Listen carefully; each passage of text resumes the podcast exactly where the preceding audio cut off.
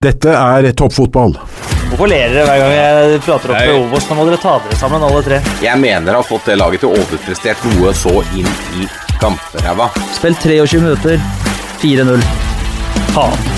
Det gjelder jo ikke bare tipping, men altså Fortbest er jo idioter. Eh, det er mulig, Ja. Han kommer ikke til å gå gratis. 96 flasker med, med øl skulle de ha for han.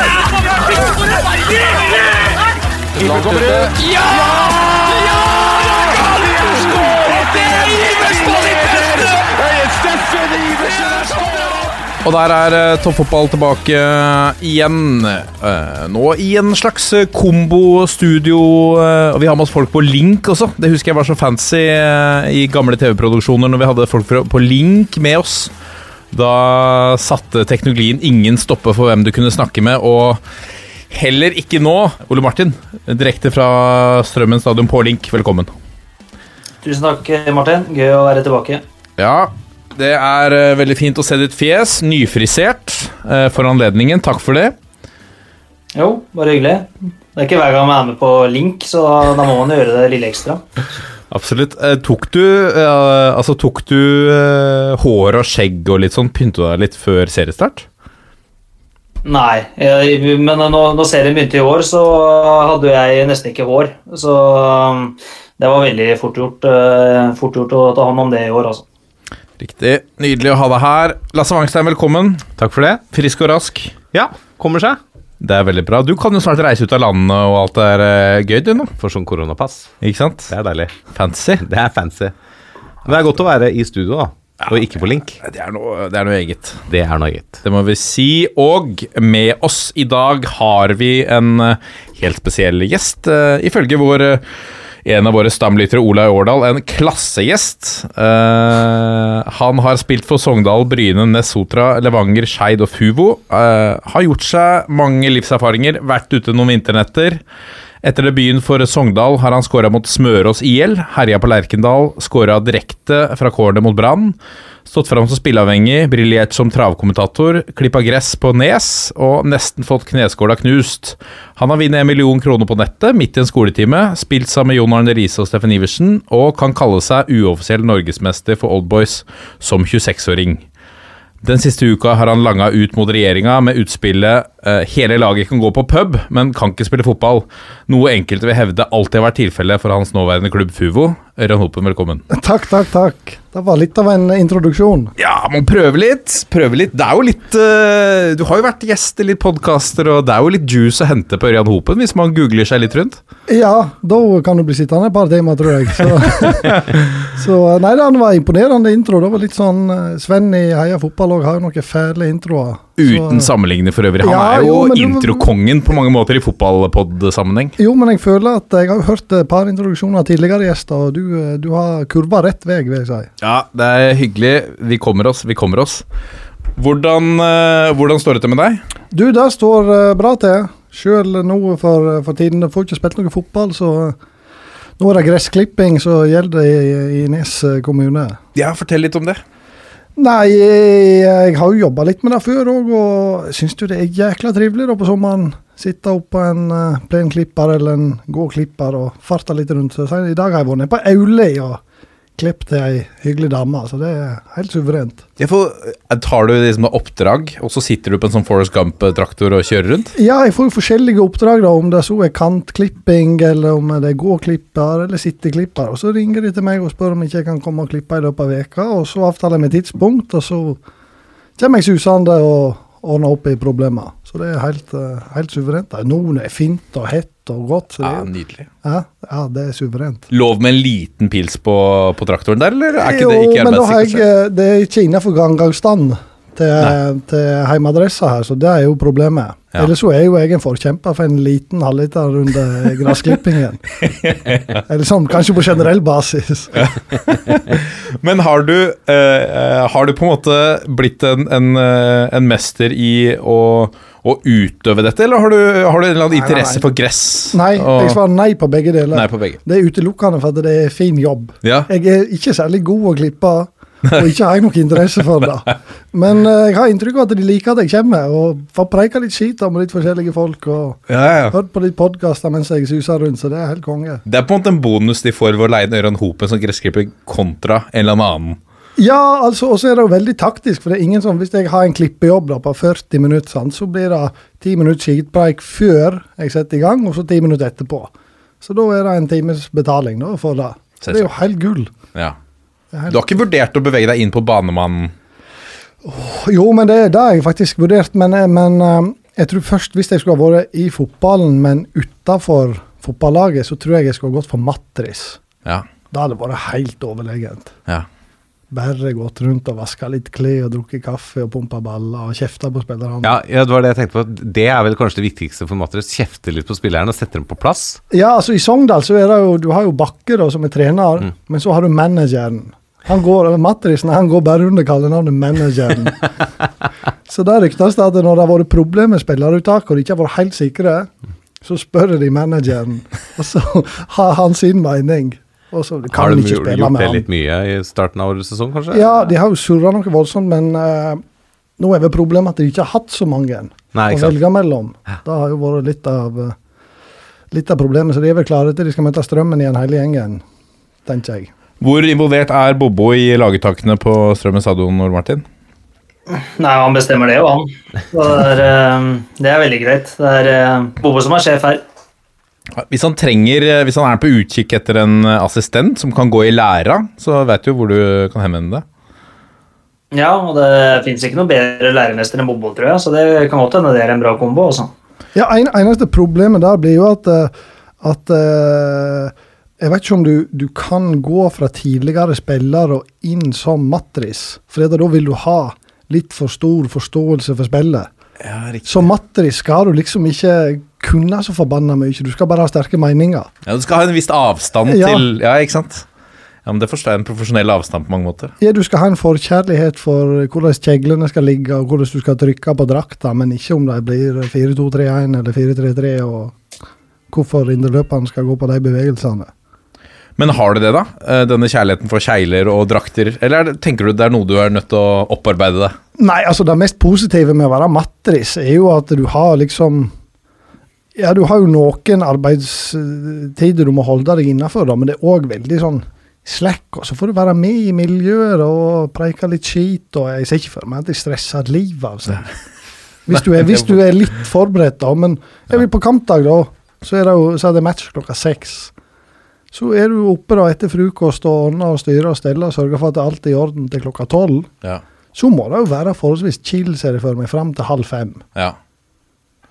Kjenner, Veit du om Bobo kjenner på noen nerver og sånn før matchen? Eh, Ole Martin?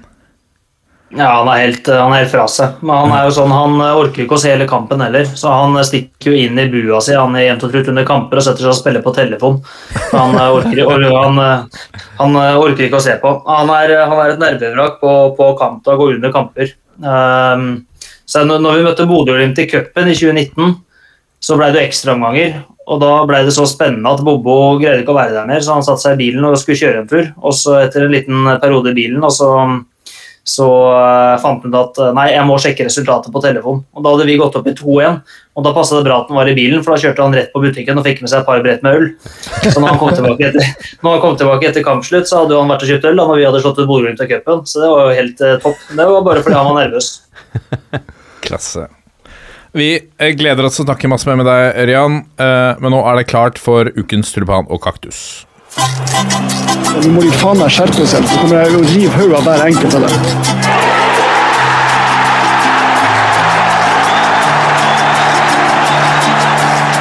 Og da er det klart for tulipan og kaktus ved spaltens president Lasse Wangstein.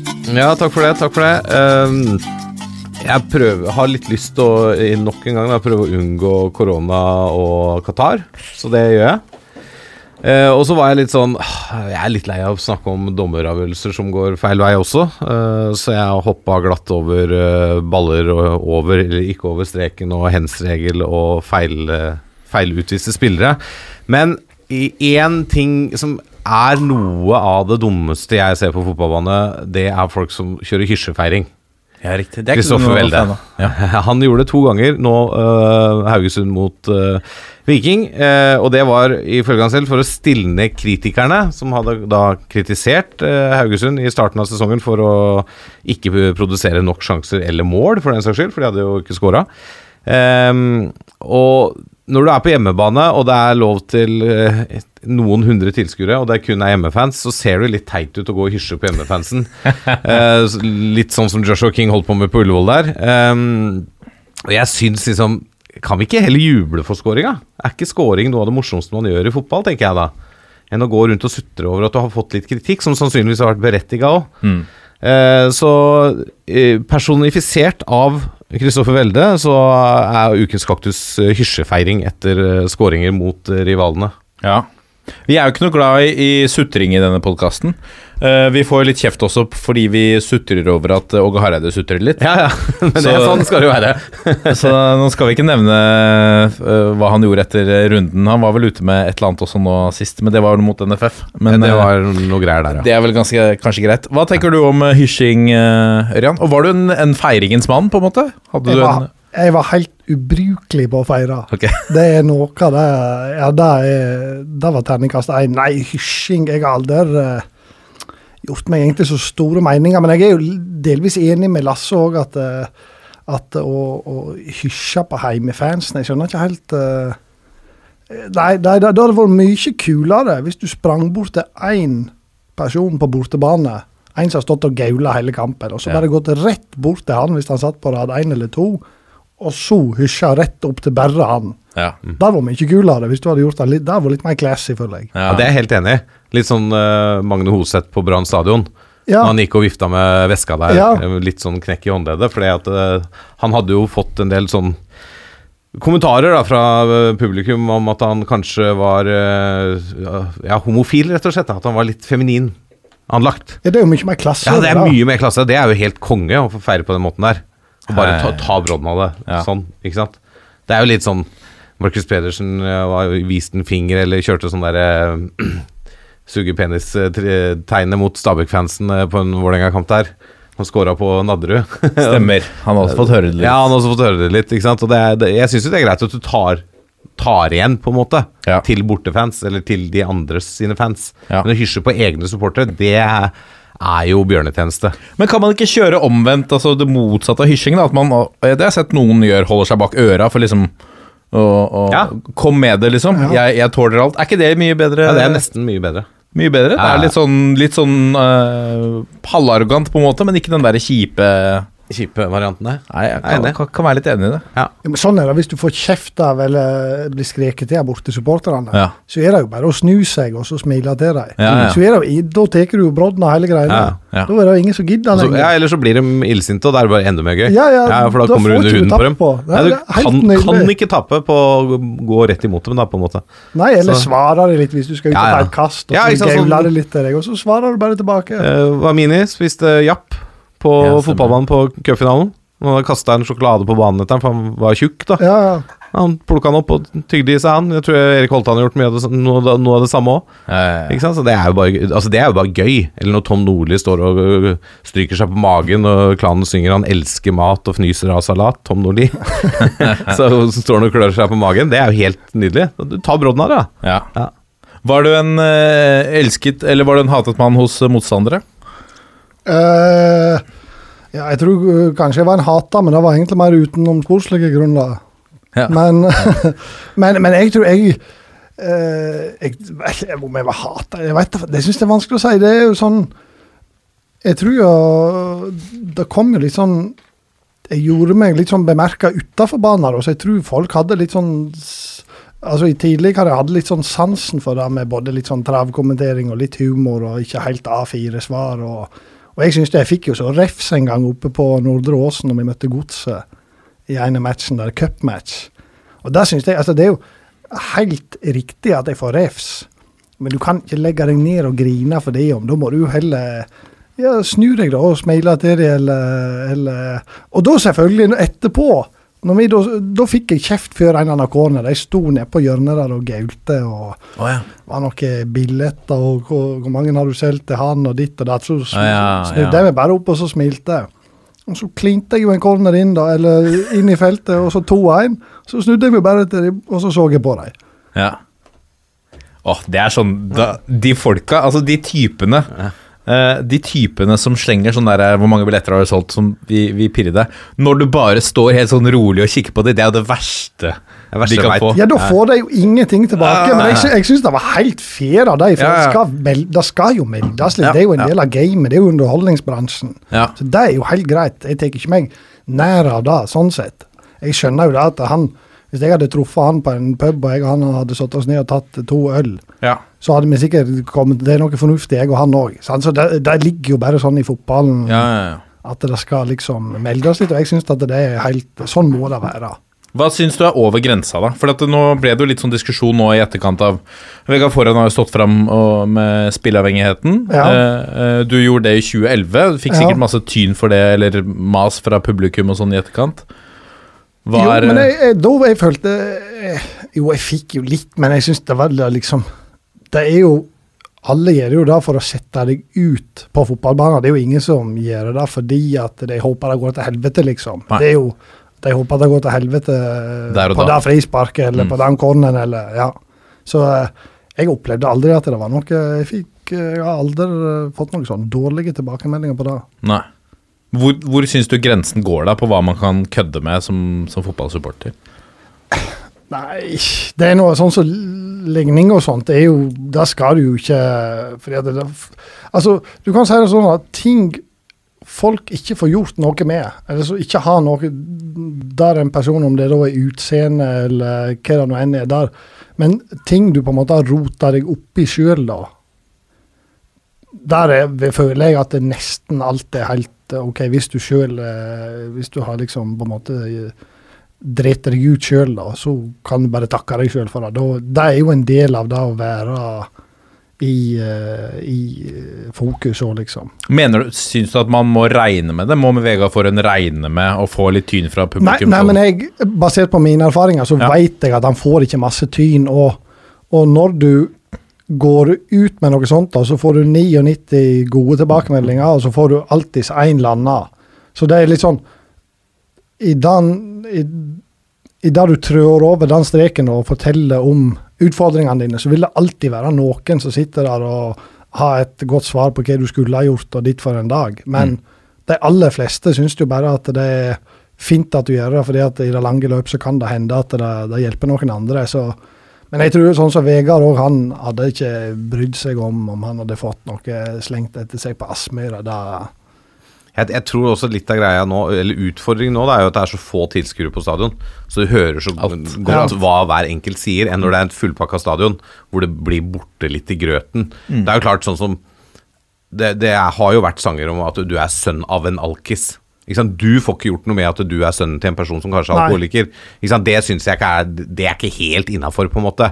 Eller at du, du liksom tar eh, søsken, foreldre, eh, Ja, barn, det har jo ingenting kone. med det å gjøre. Nei, ikke sant. Det, men hvis Jeg er litt enig med deg, da, at det, det er en form for underholdningsbransje, og så skal vi trå litt varsomt med å rakke ned på folk som har utfordringer på et ett nivå, men jeg tror allikevel, hvis du er toppspiller, så er du kanskje også litt mer hardhuda enn de fleste. Mange er det, i hvert fall. Og så vil en jo ofte se at, eh, at eh, om en på en måte forteller om en har forskjellige utfordringer, uansett hva det er, så vil det òg være måten du forteller det på den gangen.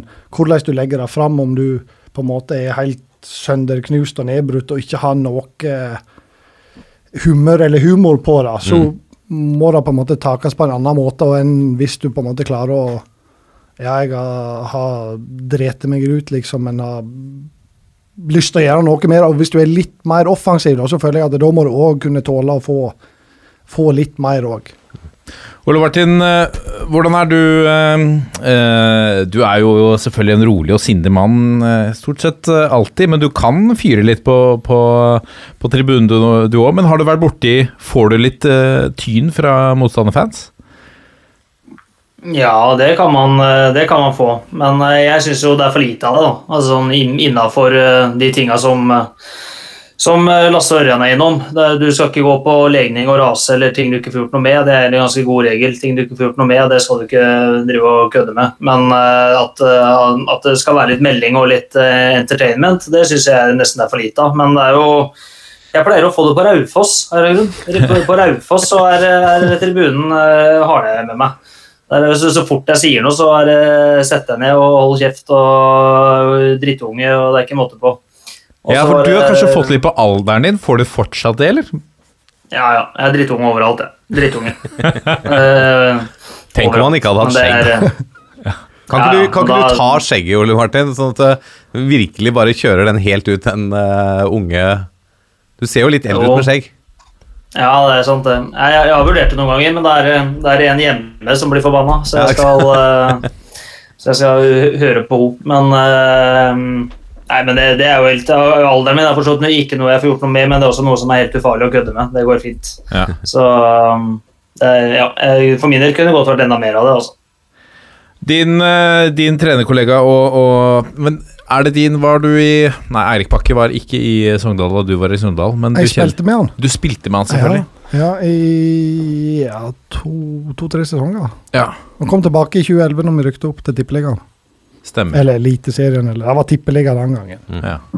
Men hvordan er uh, Det er jo fælt å snakke om de som ikke er til stede, men, men han fikk jo Vi har jo den famøse episoden med han og Kjetil Rekdal i Mixzone, hvor jo Kjetil Rekdal gjør akkurat Gjør akkurat det at han uh, spiller på dette med den eh, eh, eh, Fyllekjøringa. fyllekjøringa Ja. fra Leeds og sånne ting. Og, og det er jo kanskje litt sånn time and a place på at der og da, når begge to er fyra opp, og så går én til det skrittet og drar ut på den, det er kanskje å trekke Ja, det litt langt. men, men de hadde vel litt sånn fyrings i åra etterpå òg, følte jeg. Men jeg tror det har roa seg litt nå. Rekdal var jo blant annet ute i fjor og mente at Sogndal var desidert beste laget de hadde spilt på, så da klarte han i hvert fall å inn litt. rose litt. Men, men sånn som Bakke, han Jeg tror ikke han Det går ei kule varmt fordi at han hadde lyst til å vinne.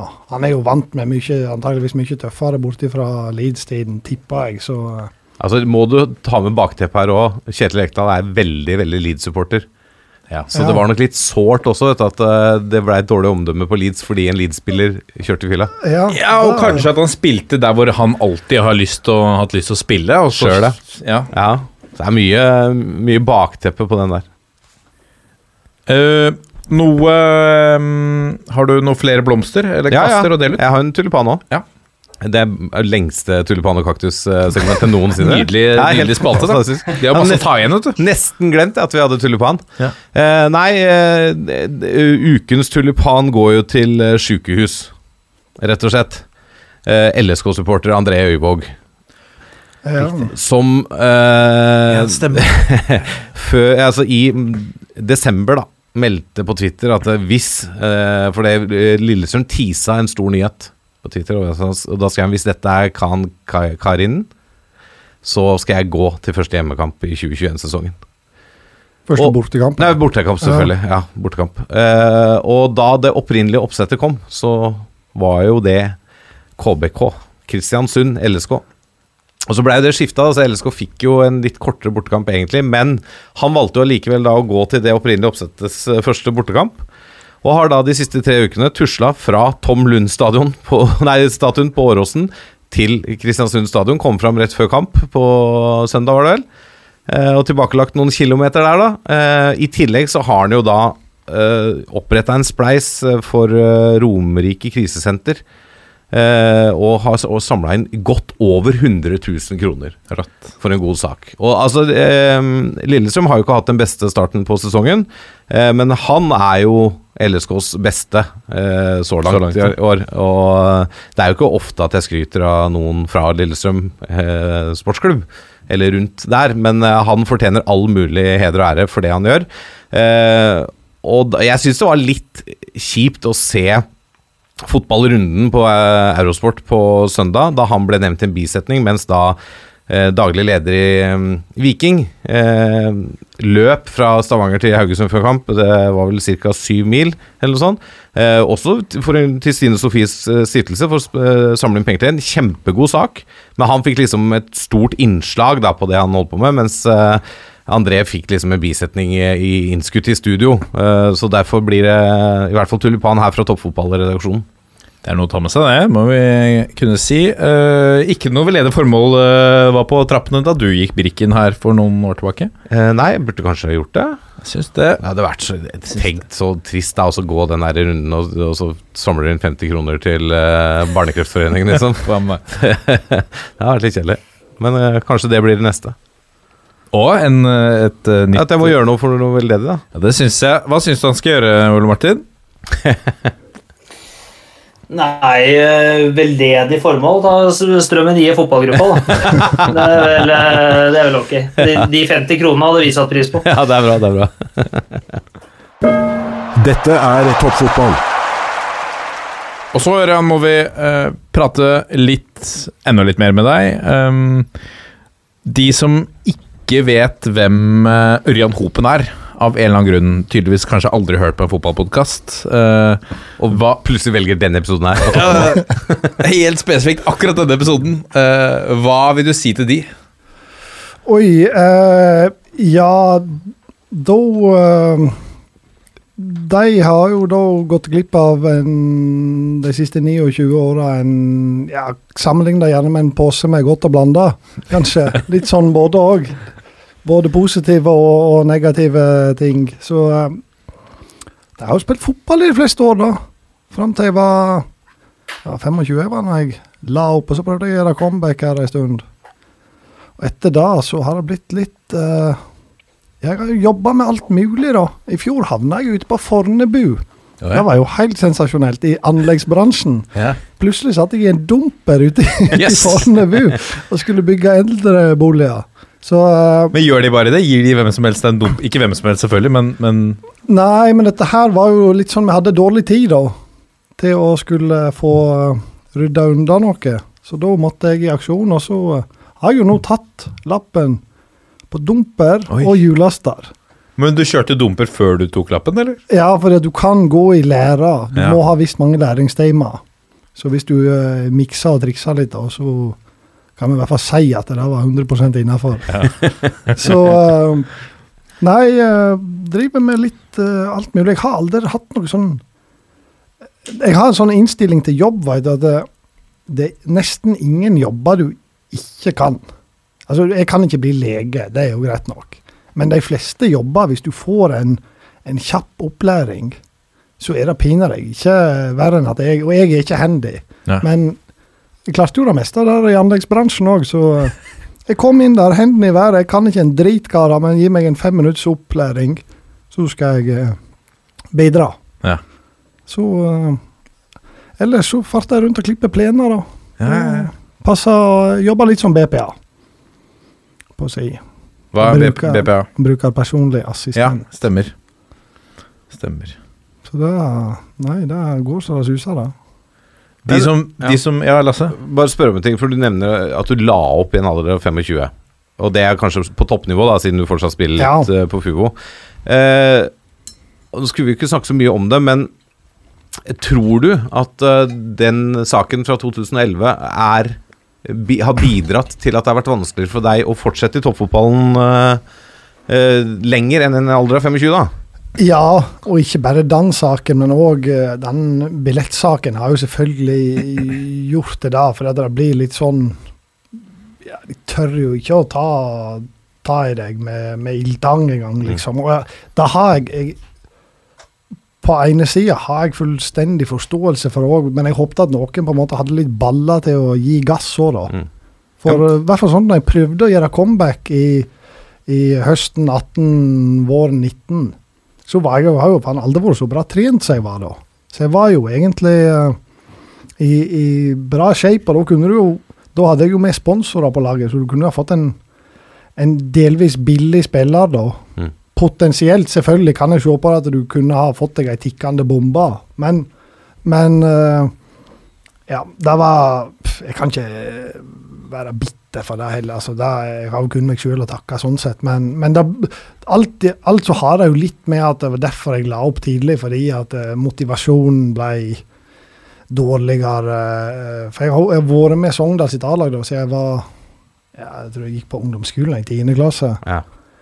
Og så jeg er jo litt sånn hurra gutter, da, så jeg er liksom ikke Hva skal jeg si trives best hvis det skjer litt ting hit og dit òg, så jeg har jo mm, alltid vært glad i å være med på noe sosialt og ditt og datt. Så da, det gikk vel litt sånn om hverandre da når motivasjonen sank litt og, og eh, ja.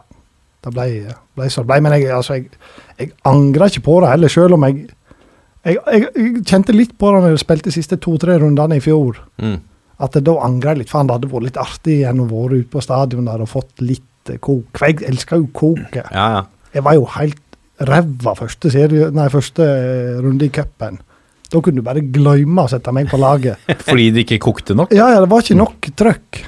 Jeg, for jeg syns det var helt nydelig. Jeg, Ja. spilte alltid mye bedre.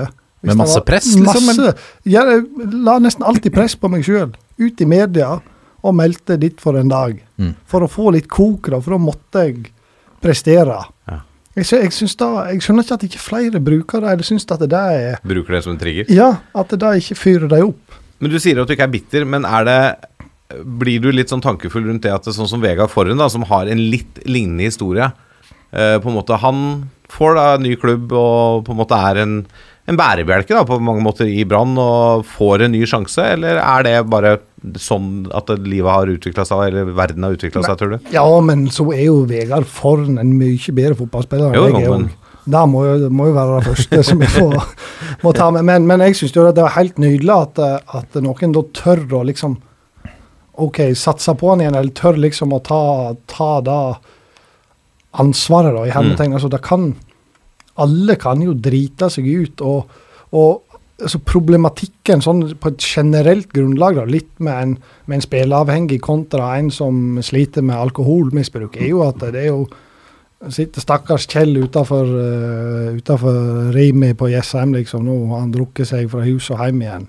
Stakkars han, men hvis du spiller fra deg alle pengene dine, så er du faen til idiot. Mm. Det er litt sånn forskjeller i hvordan folk ser det på det, og da syns jeg jo da er flott at det er sånn som Vegard forteller om det. sånn at det fordi det er store mørketall rundt akkurat dette der, rundt om både i Norge og sikkert ute i Europa og blant uh, idrettsutøvere. Ole Martin, eh, hva slags eh, måte vurdering nå, nå snakket vi om før vi gikk på her at, at eh, Ørjan har vært og trent litt med strømmen også. Det var før du vel var eh, i, satt i sjefsstolen. Eh, men, men hvis du skal prøve å sette deg inn i hvilke vurderinger som, som man gjør, da, er man liksom redd for å ta i sånn som Ørjan sa, redd for å ta i han med, med ildtang fordi historikken hans, eller hvilke vurderinger gjør man når man henter spillere? Jeg tipper det er eh, individuelt fra trener til trener om noen er redd for det, men jeg tror egentlig ikke det er så veldig mange som eh, I hvert fall ikke nå siste åra som hadde vært redd, redd for det. Eh, for det er jo det er lenge siden dette her, da. Eh, men jeg tipper jo at uh, hovedvurderinga er, jo- er jo hvor lenge siden man spilte på toppnivå. Det å hente spillere fra fjerdedivisjon og tredjedivisjon er alltid en usikkerhet. Uh, Man vet ikke helt hvordan det blir, og da er det jo kanskje lettere å prioritere en 18-19-20-åring enn en som eh, begynner å bli voksen. Ja, og da, da Nå satte jo Ole Martin litt sjakkmatt her, da. Med, jeg, men, jeg pleier å prøve på det, men, eh, men, men, jo, han er flink til å karre seg ut av hjørnene. men det er klart at, at eh, Sånn som når jeg prøvde å gjøre comeback, da, da hadde jeg jo motivasjon, for da skulle jeg liksom faen vise folk igjen at det her, det er mer inne. Men hvis du ikke har hvis du ikke har motivasjon heller, og du begynner nå begynner jo ikke jeg å bli gammel, sånn sett, men du begynner å bli gammel i fotballverden, da, 29 og snart eh, eller 30 neste år, så, så motivasjon må jo være Du må jo ha motivasjon til å holde kroppen i gang og, og ditt for en dag. I hvert fall nå, sånn som kampprogrammet nå. Så eh, ja, det er jo ikke mange eh, over ja, par og 30 i hvert fall som spiller 90 minutter hver, hver runde. Så, så motivasjonen må jo være Du må jo være dedikert hvis du skal liksom kunne spille på det øverste nivået òg. Ja. Uh, det er jo ikke sånn vi, vi Du har jo ikke lagt noe bånd på oss på ting som ikke du har lyst til å snakke om, så vi kunne jo sittet og snakke mer om, om helt åpenbart om spilleavhengigheten eh, og om, eh, dette med billett, eh, den billettfiksing-svindelgreia fra tidligere. Men dette har du jo snakket om i flere podkaster, så vi snakket jo litt om om vi skal prøve å prate om noe litt flere ting. Så kan jo heller folk gå inn og høre på noe av de 10-20 podkastene som ligger ute der med Ørja Hopper og Hoppen sitt navn på. Men uh, for de som da vet veldig godt uh, hvem du er eh, Har du noe nytt å melde til de, da? Har du et eller annet noe juicy, en, en fun fact, eller et eller annet som de mest sannsynlig ikke vet? Ja, da må jo da være at jeg får andre sprøytestikk 18. juni. Å ja. Det må jo være mest juicy. Det skjer jo ikke så mye nå, så det er liksom ikke så mye juicy å, og, å få tak i heller, så det er Nei, juicy jeg har ikke, det, har, det har ikke vært så jækla mye nytt sånn til nye til eventuelt nye lyttere heller. vet du. Før når jeg da florerte litt på sånne podkaster, da hadde jeg alltid vært på en eller annen sånn her hurratur tilfeldigvis. Så da kommer det jo alltid noen noe historier som eh, Det kan jo hende jeg kommer inn på et par av de senere i dag òg, som eh, Vi gleder oss. Ja. Ja, for du, du har vært på noen uh, I Heia Fotball også fortalte du om en eller annen hurratur til uh, Var det til Russland? Nei. Nei, Russland har jeg aldri vært, men jeg har vært, på, jeg har vært mye på håndballmesterskap. Okay. Av en eller annen grunn. Det var jo starta med at vi skulle til Serbia, Ja. av alle ting. I, tror vi er tilbake i 2014 eller noe sånt. Ja. Så var det en kompis av meg som hadde vunnet et gavekort hos Ving eller Apollo på en 4000-5000. Så måtte vi bruke opp dette før nyttår. Så da fant vi ut at vi skulle ned til Beograd og se på håndball. Ja. Men så hadde vi ikke billetter. Så fikk vi tak i, fikk kjøpt oss da til, til Lurer på om det var åttendedelsfinalen der nede. jeg. Og da eh, Det kosta vel en tusenlapp eller noe sånt for noen sånne VIP-billetter. Og så er det jo sånn at når jeg reiser tre-fire sogndøler på tur nede i Beograd og inn på vippen der, så gjør vi jo oss til kjenne, sånn at folk får jo med seg at vi har vært der. Ja. Så eh, det var jo jækla artig, og så skulle vi jo prøve å komme oss på kamp et par dager etterpå, da. Men da var det jo Norge-Serbia Ja. nede på arenaen der, og det var jo 18 000. Og det var ikke en billett å oppdrive. Det sto sikkert en, en plass mellom 5000 og 10 000 utenfor stadionet, og så prøvde iherd, iherdig å få tak i billetter. Så vi gikk jo egentlig litt sånn slukøra rundt stadionet og så om det var noen muligheter. Og der traff vi på da to, eh, to eldre damer fra Sigrud som jeg hadde truffet på når vi var på kamp et par dager før der. De sto og hadde fått tilgang til å, eller fikk lov liksom å ta heisen ned fra vippen, og så ut og røyke. Og så uh, fikk vi lurt oss forbi. Der sto en hel, eh, der sto masse politi rundt hele stadionet med gønnere og fullt kjør, så vi fikk lurt oss forbi. De da for å prate med de to fra Sigrud. Og der når, når purken var litt opptatt, så tok vi bare og spaserte rett inn i heisen med dem. Opp i femte etasjen. Pling, rett ut. Og så kom vi jo inn på, inn på VIP-loungen. Og da, Der er jo trikset da, til de som har lyst til å inn på VIP-lounge på en senere anledning. Da er det, du er helt avhengig av at du er kledd godt nok. Sko må være i orden. Og så en dressjakke og gjerne ei skjorte. For når skjorta sitter godt på armen, så er det jo ofte sånne bånd du får. Du får f.eks. et grønt bånd som sier at her, du har lov å være her. Så når du går inn, så slenger du bare fram armen, for da tror han her i, eh, i dør, dørvakten her, han tror da at uh, her er det en som har bånd, men skjorta sitter så tett så det viser ikke. Så spaserer du inn, og så gjør du det et par ganger da. Og idet de skifter vakt, som står ved inngangen, så går du bort og sier at du har mista bandet ditt. Det røyk. Ja. Så får klina på deg et nytt band, og så er du i rute. Helt overlegent. Men har du gjort dette trikset? For det høres ut som dette er kjørt inn ganske godt, dette Nei, trikset, det, det var helt tilfeldig, men vi, måtte jo, vi kunne jo ikke gå ut igjen. Nei. For det sto jo, det sto jo 5000 000 serbere utafor der. Og var jo klin gale, for de kom ikke seg. Men vi fikk jo ikke sett kampen inne på sitteplass, for der var jo, der var jo alt uh, revet vekk. Så vi sto jo inne i VIP-loungen og så gjennom glassdører Å, ja. ut på matchen, for vi hadde jo ikke noe billett inne. Nei. Nei, så det håndball, med håndballmesterskap, det kan jeg anbefale. Det er altså helt nydelig. Ja. Fantastisk. Og så går det på perfekt tidspunkt. Hvis du vil ned og se på damene en liten sånn førjulstur, eller om du har fått uh, harde pakker over nyttår, da er det rett på herrene. Ja. Helt nydelig. Ja, det er fantastisk artig. Jeg så for meg nå en, en, en webserie med Ørjan Hopen som tester ut uh, sikkerheten på ulike anlegg. På VIP-anlegg. På VIP-en, ja. Ja. Gå inn der, kjøre det trikset. Skjul kamera og full pakke. Er det tung sikkerhet på Vippen på, på Strømmen stadion, Ole Martin? Ja, ja, ja. ja. Men eh, det er klart det der båndtrikset til Ørjan kommer til å funke der òg, tror jeg. Så det er bare å, bare å kjøre på. Vakkert. Jeg så for meg en sånn historie om Ørjan og han med vikinghjelmen. Jeg, nå. Rune Tribune. Ja, Rune Tribune. Han treffer jo hver gang. Hver gang han ser meg i horisonten, ser han fram med trompeten, og så spiller han Stauno på. det er helt nydelig. Han er på en måte litt elsket og hatet. Jeg har sett uh, Ja. folk som er litt lei av trompetspillingen. Jeg tror vel at uh, hvis vi tar liksom sånn den eh, litt over snittet interesserte idrettsfantasten, da, Ja. så er han vel mest hatet kanskje fordi han stikker fram trynet sitt overalt. Men eh, i den gode norske folkelige folkesjela så er han jo helt sikkert elska. Ja, det er han igjen, dette, han godslige, joviale, som alltid er ute og reiser. Jo, men kompisene til Rune Tribune har jo fått altfor lite oppmerksomhet. Ja, fordi jeg liker gjerne. Ja, men det er en som har en eller annen Jeg vet da fanken hva han spiller på, men det er jo helt band som er av gårde.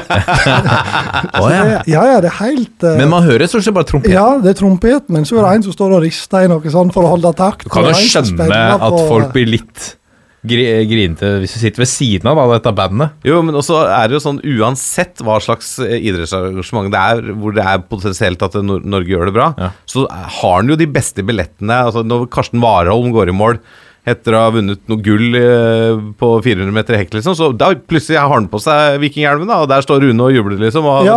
selfie og sånn. Han, han er jo helt magisk på å komme seg i posisjon. Han må jo ha noe triks fra Jo, di. men men han, han, kjører, han kjører rad to-trikset. Ja. For han vil på TV, sant, og vil Ja. ha oppmerksomheten. Men der er jo hvis du, hvis du kombinerer det med mitt VIP-triks, så ser du ikke Rune Tribune, på en måte. Mm. Nei, ikke For han er ikke på vippen. Nei, nei, han er nede på rad to. Ja. Så hvis du er litt lei av han, da, så er det bedre å bruke mitt triks. ja, ikke sant? Du er uh, uoffisiell norgesmester for Oldboys. Ja, det er jeg. Uh, for en ære å ha deg her, uh, må jeg bare si. Altså, ja, det var jo turnering oppe i, i Trondheim. På, jeg vet ikke om de pleier å ha det hvert år, eller hvordan det var. Jeg, jeg, vet, jeg husker egentlig ikke hvordan det laget ble raska sammen heller. Det, var ikke noe, det var ikke noe raskt Nei, på det nei, laget, da, nei, men det var mye blanda drops, da. Ja, ja. Det er vanskelig å, å trekke en rød tråd gjennom hele laget. Ja. Men jeg tror det var Per Ivar Staberg og, og Jonan Riise som hadde satt opp laget. For det var et par kompiser av Jon Arne og jeg og Per Ivar hadde jo tenkt å stille eller få med et par kompiser av han, men så ble ikke det, og så bare slo vi oss i hop. og- Men det var, det var jo et kanonlag. Vi var jo et meget habilt lag, ja. For det var, det var deg uh, og Per Ivar Stabær. Uh, Ja, André Bergdølmo var med. ja. Karsten Skjelbø sto i mål. Faktisk meget habil keeper på uh, sjuermål. Han har vi hatt her før. Han har stått i femtedivisjon eller sånn, eller uh, Boys. Uh, Ja, han har nok det. Og så har han jo en lang karriere som keeper på um, kjendislaget på Norway Cup. Ja. Riktig. Der er noe, også, han, Ikke ulikt erfaring. han fyller jo Han er høy, han òg. Ja. Han er svær. Han er, har, har jo rekkevidde. Riktig. Så han er jo ikke keeperkropp på Karsten. Så den Stemmer. pokalen havna vel i studio òg, på ei sending, tror jeg. Ja, ja, Han skulle på sending på søndagen, sånn var det. Karsten skulle ha sendingen på søndagen. Og dette var jo lørdagen, så da tok han med seg pokalen og tok han inn i studio der. Ja. I Steffen Iversen også var med på laget? Ja. Steffen var med òg. Og tenk deg foten til Ørjan og hodet til Steffen. da. Jeg skjønner jo at det blir gull i Ja, men det var litt, eh, litt for kort vet du, til å slå så mye innlegg. ja, Ja. Og, men Steffen kan jo spille på bakken. Og, ja, han er jo god sånn. med ballen. Ja, han er helt enorm. Ja, det er helt eh, Ja. Men fortell om, om uh, bortekamp. Hva er, uh, hva er det for noe? Det var jo Blei vel sånn hva skal jeg si, stifta da vi prøvde å gjøre comeback. At det var jo Per Ivar sin Det var jo i den Det var vel, jeg vil hente litt inspirasjon fra, fra eh, hjemmebane, eller heimebane, Ja, som ja, ja. gikk. Så ble det da Per Ivar med genial kreativitet dette bortekampene. så eh, Nei, så ble jo det stifta, da, og um, prøvde å gjøre comeback, som sagt. Og da var det jo fullt treningsregime. Fikk jo med sponsorer som støtta opp under, og hadde jo personlig trener både her og i Trondheim. og Fullt kjør, to økter om dagen og beina høyt imellom. Så da eh, la jeg jo ned skikkelig innsats for å prøve, prøve å, å komme tilbake. Og det er vel litt sånn òg for å, å klare å sette litt fokus og litt, sette litt lys på det med spilleavhengigheten. da. Så nå holder vi jo litt sånn foredrag og litt sånn forskjellig har vært Ja, vi har faktisk vært Norge rundt. Vi har vært oppe i Vadsø og Vardø og i Mo i Rana og Ja, det er jo veldig, veldig trivelig å, å reise rundt, og ja, veldig meningsfullt òg. Men du um, Ja, for du går Du går øhm, Du går bettingbransjen litt i, i øh, Hva skal vi si I strupen er kanskje å ta i, men, øh, men du prøver å belyse litt aspekter ved bettingbransjen som er litt spekulativt, da. Ja, altså det er ikke nødvendigvis noe sånn propaganda, men det er jo litt sånn Dele sine egne erfaringer over først og fremst altså konsekvensene. For det bettingbransjen, du, den kan du liksom aldri kvitte deg med. Og der er jeg veldig simpel, at der er ingen noen bedre enn noen andre. Det er, eh, de har jo som mål som alle andre å tjene penger, sånn er det jo. Det er jo, og det er jo mest da å tenke over hva du på en måte risikerer. For jeg, jeg, når jeg var ung, så gjorde jeg jo aldri det. Tenkte jo aldri på Bodde jo hjemme og tjente godt og blåste penger og har blåst forhold og kompiser. Så, Så, så du reflekterer jo ikke over det der og da, men hvis du klarer å lære noen til at eh, ja, at hvis 10% av det jeg forteller og går inn, så har det jo liksom en litt bedre ballast hvis du havner i den situasjonen ved en eller annen, eller et eller annet tilfelle. Ja. Det er jo litt som det som er målsetningen. Det er ikke noe sånn ikke spill på oddsen eller ikke spill poker med guttene. Det er ikke det som er Det er mer sånn highlighten ok, ja, hvordan du føler deg, og hvordan det går inn på kroppen, og konsekvensene osv. Hvilke tanker har du da om Fordi Norsk Tipping har jo spillmonopolet som er mye diskutert, og som jeg opplever at den diskusjonen har tiltatt litt sånn styrke de siste par årene. Hvordan stiller du deg til det? For vi ser jo at Norsk Tipping også åpenbart tjener penger på Tjener penger på, på folk som spiller, men har litt sånne spillgrenser, i tillegg til at selvfølgelig pengene går til veldedige formål. men, ja, men det, det, er litt, det er en sånn ting som irriterer meg. Nå, nå har jeg blitt fortalt dette her, vel å merke, for jeg, det har ikke jeg sjekka. Men så vidt jeg er bekjent, så er spillgrensa på 20 000 om dagen eller 20 000 i veka eller et eller annet på oddsen på Norsk Tipping. Ja, og da er liksom 2% av befolkningen da kan spille vekk 20 000 i veka uten at det går til helvete. Så, så det er jo egentlig sånn ikke-eksisterende argument i mine øyne. For det har ingenting med, med hvor Altså, Har du 100 millioner på bok, så er det ikke noe problem å spille vekk 20 000. Altså, det, det du spiller vekk, på en måte, er jo, er jo relasjoner og tillit og alt den biten. Det er jo der du Ok, pengene kan du på en måte alltids eh, klare å betale tilbake eller betale ned eller ta et lån, men, men det er jo mye verre med, med alle tillitsbruddene og relasjonene du mister. og Det er jo det som er de største, største konsekvensene. Så jeg, jeg sier jo at hvis, hvis ikke Norsk Tipping dreier seg mer og mer over som de andre uh, bookmakersene som er rundt om i verden, så kommer jo ikke de til å overleve. Fordi at det er klin umulig. Det går ikke an, da. De som er 20 år i dag altså jeg tipper Hvis du ser på hvem som spiller Lotto da, nå i dag, så er det antageligvis 90 er 50 pluss. Mm. Ja, jeg vet, Mesteparten av pengene de håver inn, vil jeg tro er på Lotto. Så når, når den hermetegn eldre garden forsvinner, da, så må du jo etablere nye spillere. Nye spillere spiller ikke på Lotto, for sånn fungerer ikke dagens system. Det, det går altfor seint, liksom. Det er ingen som, det er ingen som ser på TV klokka halv åtte på fredagskvelden, eller du ser det på Sumo når det passer deg. Sant? Altså, det er jo bare sånn det funker. Mm. Så hvis de skal kunne overleve, da, uten, uh, uten støtte i, i huet og ræva, så er de jo nødt til å gjøre seg mer ja, lik utenlandske bookmakers. Ja. Det er min, min tanke rundt det, i hvert fall. Jeg har lest i en lokalavis at du har vunnet Du vant én million kroner på et nettspill mens du satt i klasserommet. Ja. Dobbelttime med norsk, ja.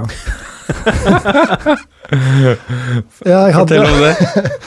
Jeg hadde dansk eh, diktanalyse, så det var ikke Dansk så dansk diktanalyse, så det var ikke så veldig eh, Veldig, jeg var ikke så veldig interessert i det. da. Jeg gikk vel tredje glass på videregående, tror jeg. Ja. Og jeg, som den ringreven jeg var, da, så satt jeg selvfølgelig alltid bakerst i klasserommet. Og ikke da på vindussida, fordi at der er det da mulig å speile PC-en i glasset, sant? så da går ikke. Så du må sitte inntil veggen. sånn du er, Jo mer jeg blir kjent med deg, Ørjan, så føler jeg at du er en mann som liksom ikke Du er godt forberedt ja, altså, på alle ting. logistikk og taktisk, så må du være oppe og nikke, ja. Ja. Nei, og så satt jeg jo der, og så starta bare med at For det var jo dritkjedelig, så han jeg satt attmed Vi satt jo da bare og, og lagde en konkurranse oss imellom. Logga inn på ei sånn uh, bettingside, og så kan du spille med gratis penger. Så vi satt der og fikk utdelt 10 000 gratis penger, og så hadde vi sånn konkurranse førstemann til 20 000. Bare for å ha noe å drive med. Mm. Og så ble vi jo ferdig med det, og så da logga jeg jo inn, og da hadde jeg jo stående en jeg vet ikke, 10 000-20 000 eller noe sånt. Og så trykte jeg feil. Sånn at jeg satsa 500 kroner euro trykket. Det var, jo, det var jo selvfølgelig ikke meningen, men det ble noe sånn. Og da ble det jo helt kokos på hele PC-skjermen, og, og så ga ikke det seg før det sto 130 000 euro der. Så da eh, Men det var helt Det, det er litt sånn Og det som jeg tenkte tilbake på det, sant? for da var jeg jeg var rolig som skjæra på tunet og gikk til naturfagstimen. Fordi at du, du er så inne i bobla, da, eller blir helt sånn eh, når, Men er det fordi du hadde tapt så mye tidligere? ja, altså når, når, når jeg har spilt, og så har jeg aldri hatt de svære sånne her Jeg har aldri liksom skamslått i veggen eller jubla insane. Det har jeg aldri, aldri vært, eh, typen til. Så, så det var helt eh, Men det artigste med den historien der, da, er jo da at For jeg spilte jo fra en annen kompis sin eh, innlogging. Ja, så, så Han ble jo da mestvinnende, da. På, på, eh, da, eh, på NordicBet fra da januar ut april. eh, eh, på, på, innenfor fem trykk eller noe. Han visste jo ikke at han var med eller visste jo ikke at han var med i sånn konkurranse. Så vant jo billetter da, til VM-finalen i Sør-Afrika Herregud. for to personer. flyr da fra Haukåsen til Oslo via London, og så rett ned. Og så safari inkludert, og bodde på sånn femstjerners hotell og VIP-billetter inne. Men dette kunne, kunne jo ikke jeg reise av gårde på.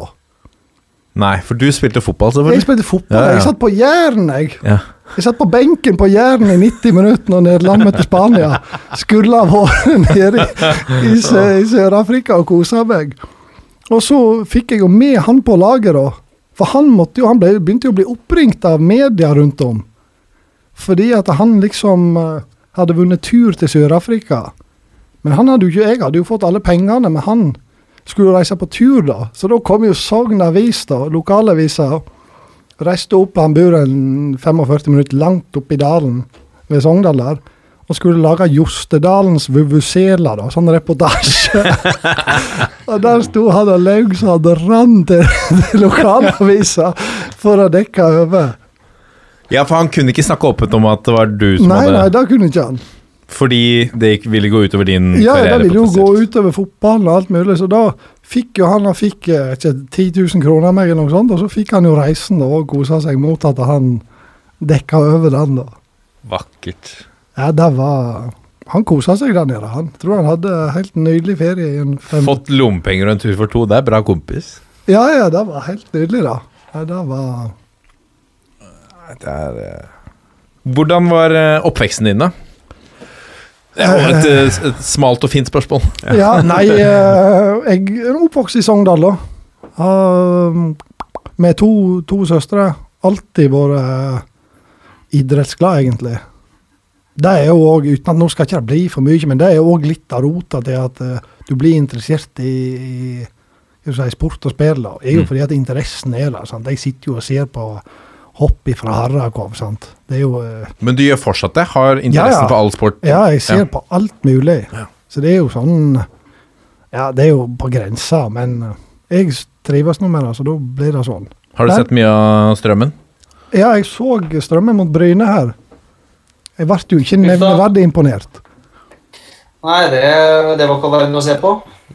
Hva skjedde der, Ole Martin? Er, har vi, har vi feilvurdert, undervurdert strømmen i denne, i denne redaksjonen? Eller har du undervurdert strømmen Overvurdert. før denne kampen?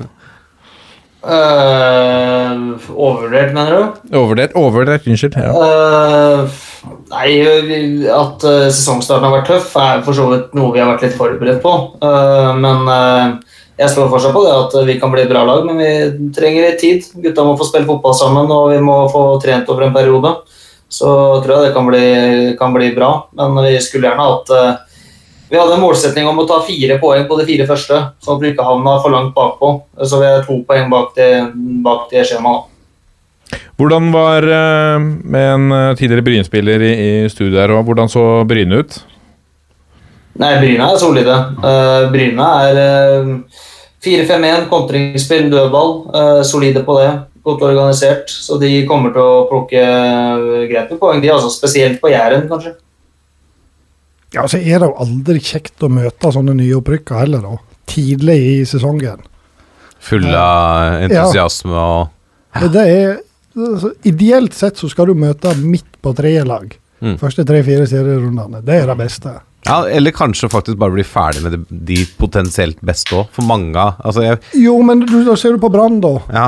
Jo, ja De, de har jo ikke tidenes sjøltillit. Nei, det har de jo ikke, da. Og så er det sånn, du må vinne. Gjorde de det, da? Mm, Ja, du må slå, men så må de slå. ja. Jeg vet ikke hvem de møter nå i neste, men du henger liksom alltid der at du må vinne. Det er ikke så kjekt i Bergen da heller, tror jeg.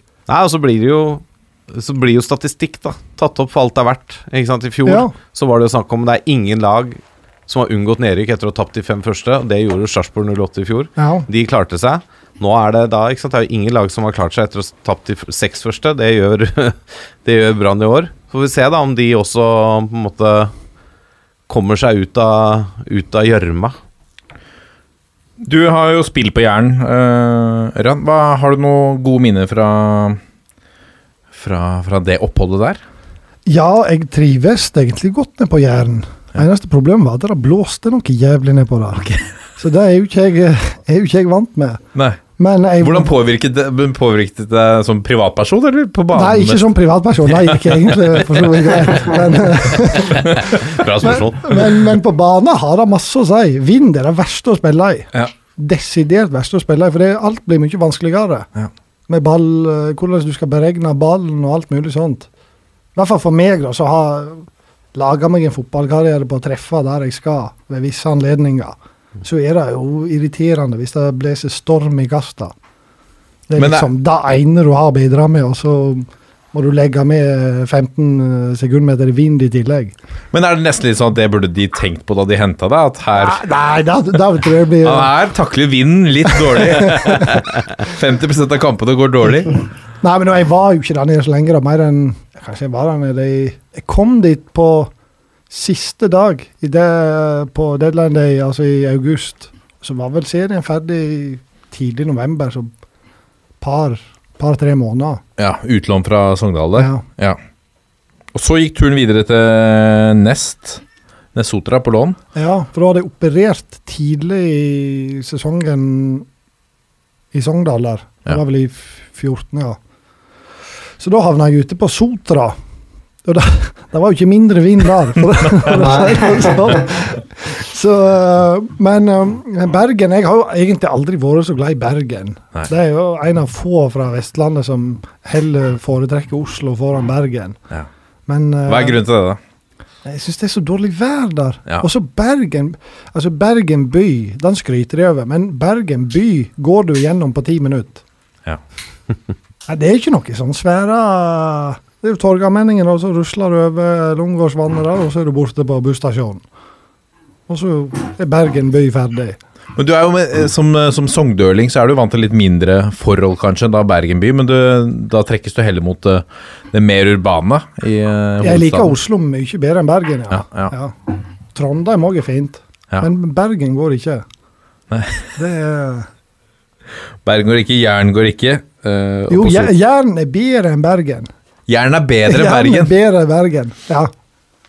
Hvordan, men hvordan opplever du, opplevde du om Du var der veldig kort, da. Bryne som klubb. Det har alltid vært litt sånn jeg har alltid vært litt sånn fascinert av det helt fra de kom kjørende på traktor til cupfinalen. At Ja, det er det noe spesielt med de. Ja, men det blir ofte sånn med sånne klubber at det er veldig sånn jovialt og folk som bryr seg. Det er veldig Det er ikke så mange som bryr seg, men de som bryr seg, er veldig entusiastiske, da. Mm.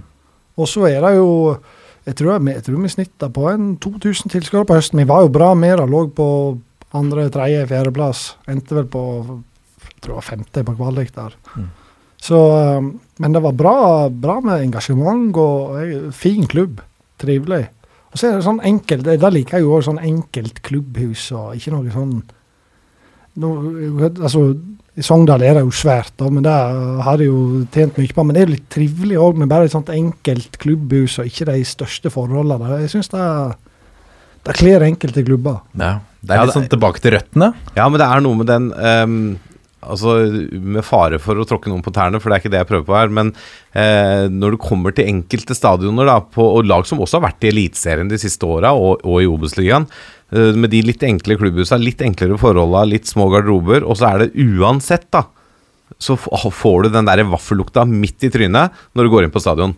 Det får du ikke på Intility eller Ullevål eller Lerkendal. Men da, da kan jeg garantere deg at uh, på de mindre stadionene Ja.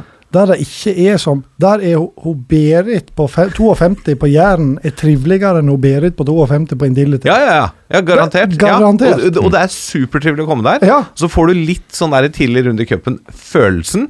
Ja. Men så er det liksom Det er så deilig for det, for det, det er den norske fotballen, mener jeg, da.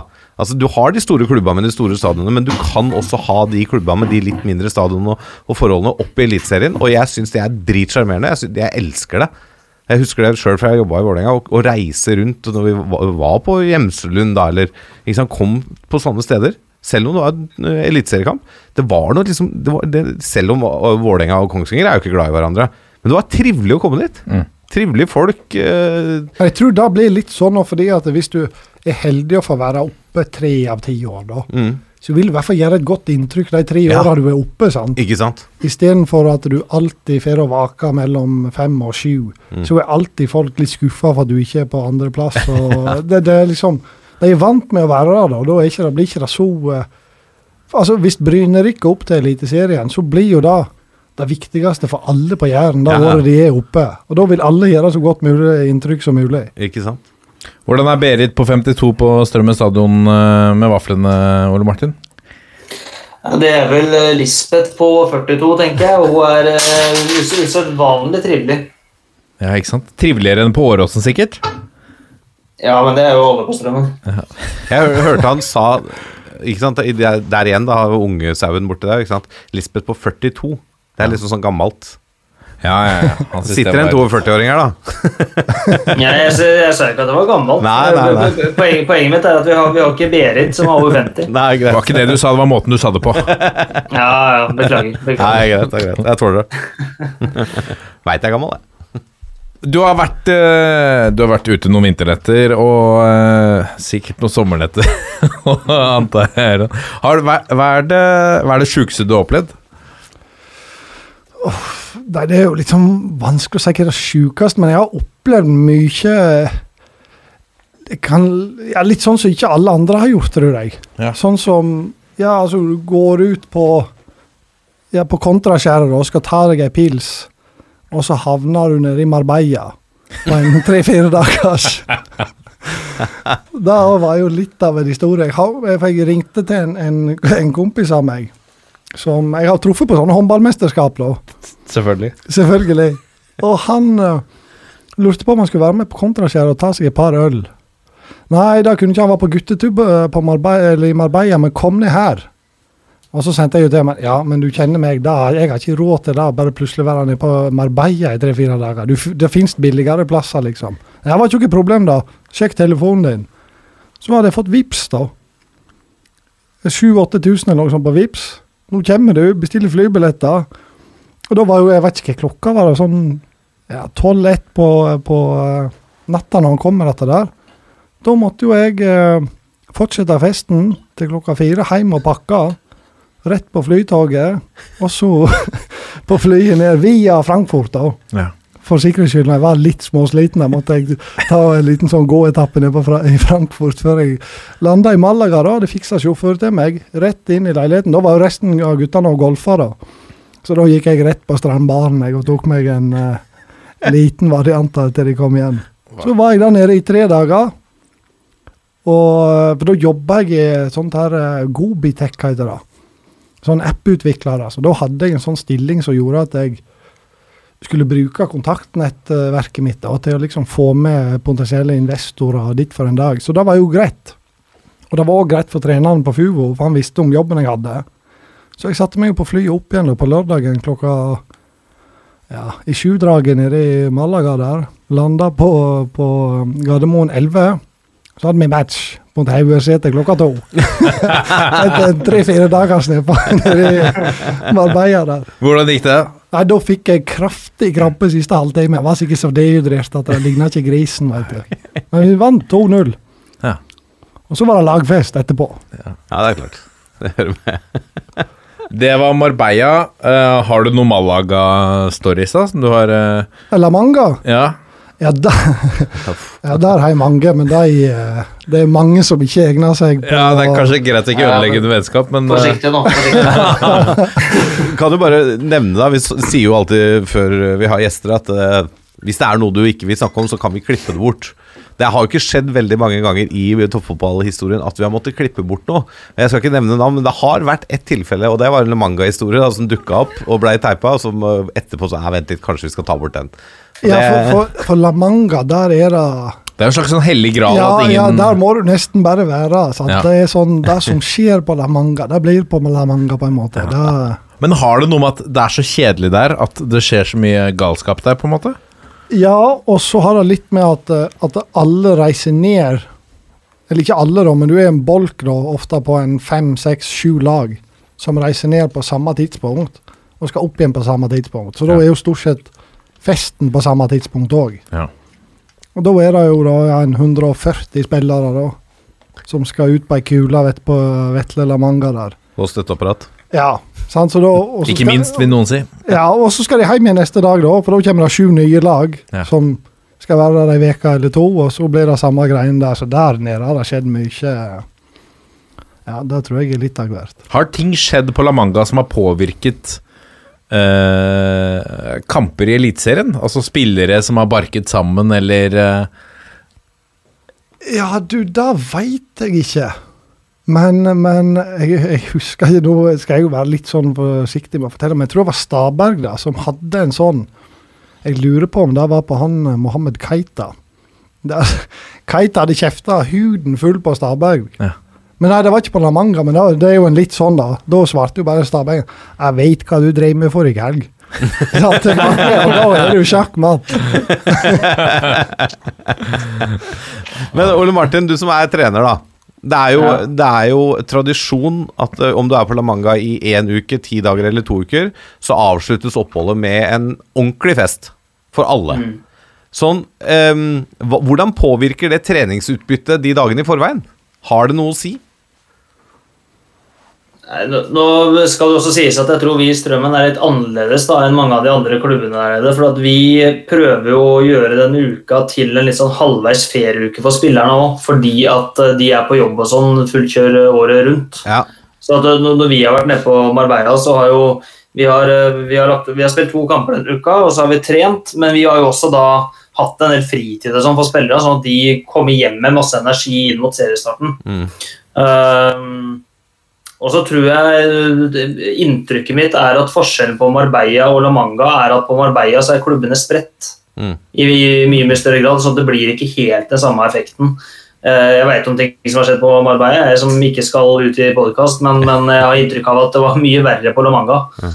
Fordi at der er alle samla, og det var vel én eller to uteplasser der, eller? Som alle gikk på. Det var nede på. Sira, eller på den irske puben som Ja. stengte klokka tolv. Ja. Og da har du det travelt, sånn skal du komme i rute. så det blir det jo overtenning på hele gjengen. Det var jo døden som spiller klokka seks. Ja, Ja, siste dagen, ja. Siste dagen, da, ja. Fikk La Manga-oppsettet. Nei, faen! det Kamp seks på lørdag. Så, så, men, mens på Marbella vi, vi er jo spredt utover tre-fire forskjellige småbyer og sånn. Så det er jo, altså, på det meste så er det jo en time kjøring fra en klubb til en annen. Så det, det blir ikke helt det samme effekten. Nei. Men jeg, jeg har jo tenkt, tenkt på det, for jeg har jo opplevd det selv. Holdt jeg, på å si. jeg, jeg tror egentlig fordi at La Manga er så spesielt, da, og det er jo dritkjedelig. Bortsett fra å gå og se de kampene. Og Ja, det skjer jo ingenting. det skjer ingenting. Men det blåser mye. Og det blåser, Ja. og så er det Det kaldt. Jeg liker ikke mye. Nei, altså første, første året jeg var der, så hadde jeg med meg altfor lite klær. Jeg måtte ut og handle vintertøy. I Spania, gjør det, ja. Det er lett, skjønner du. Jo, men da tror alle Alle, alle tror at du skal på sånn Ja. solferie. Ja, i hvert fall at det er litt varmere enn de 20 minusa du har hjemme, da. Men altså når det er fem plussgrader og vind, så er det Det føles jo kaldere enn 20 ja. minus eh, i Oslo. Ja, det, Men eh, det er helt jævlig. Men uh, jeg tror fordi at det er litt sånn trått å være der, da, så er den festen faktisk så viktig for å få den energien som Ole Martin snakker om, inn i treningsukene som kommer hjemme. jo, men det er jo på et generelt grunnlag altfor undervurdert. Mm. Å ta seg ei lita kule med resten av Blåse laget. ut litt, Ja, ja, ja. ja. Ja, ja. Fordi at det kan, det kan være der, Du kan jo ha masse eh, gode altså, De sier jo at eh, du må, der du får ærlige svaret fra, det er fulle folk og unger. Ja. Så når du skal diskutere fotball, da, så får du i hvert fall ærlige svaret fra forskjellige folka. Og så bygger du jo samhold. da. Jeg er Ja. helt overbevist om at det er viktig å gjøre i ny og ne. Og det har vært eh, skal ikke snakke mye om covid, men noe av det vanskeligste vi har opplevd i den covid-perioden, her er nettopp det at du ikke har kunnet gjøre det. Mm. For at du, du, du mister teambuilding-muligheter, og du, du, det, nå er samholdet i strømmen er veldig bra, men det hadde vært enda bedre. For at vi, har jo, vi er jo en klubb som prioriterer sånne ting, og jeg tror Ørjan har helt rett i at det der er undervurdert. Hvem er den eh, altså, rareste, morsomste, eh, merkeligste fotballprofilen du har vært borti, da? Eller eh, typen? Men altså, den artigste rent sånn humormessig, det er uten tvil Ulrik Flo. Ja, For han er helt enorm på å etterligne folk. ok. Det er, han, han kan nesten ta hvis, hvis han får et par dager forvarsel, så kan han ta de du vil, tror jeg. Ja. Så han er helt eh, Helt jeg og han har jo kosa oss mye. Vi satt jo, hadde ofte, lå ofte på rom i lag og satt bakerst i bussen der og feia på. Nei, da var han, han er den artigste. Uten tvil. ja.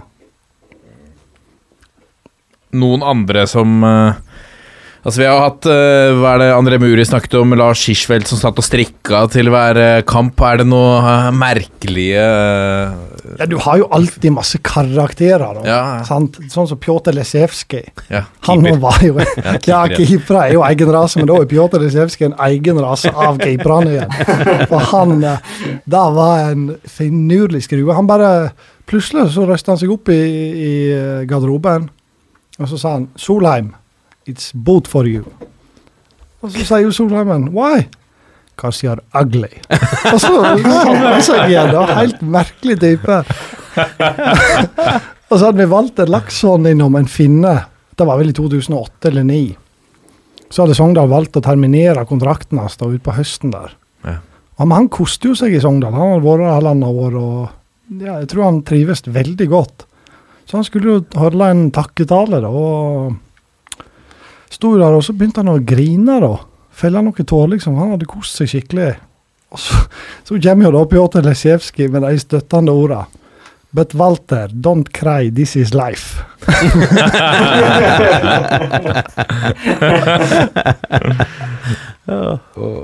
hyggelig.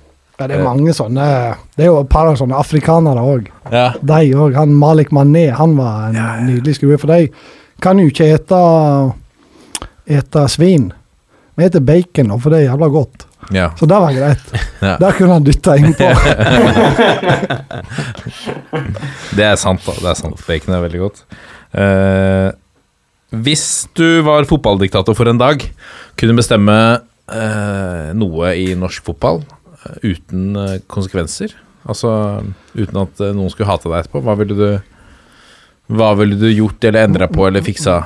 Selvfølgelig gitt deg en klubb, men uh... Nei, sånn, jeg, har ikke, jeg har noe mer sånn spesifikt fotballmessig ja. jeg hadde hatt mer ønske å, å rette på.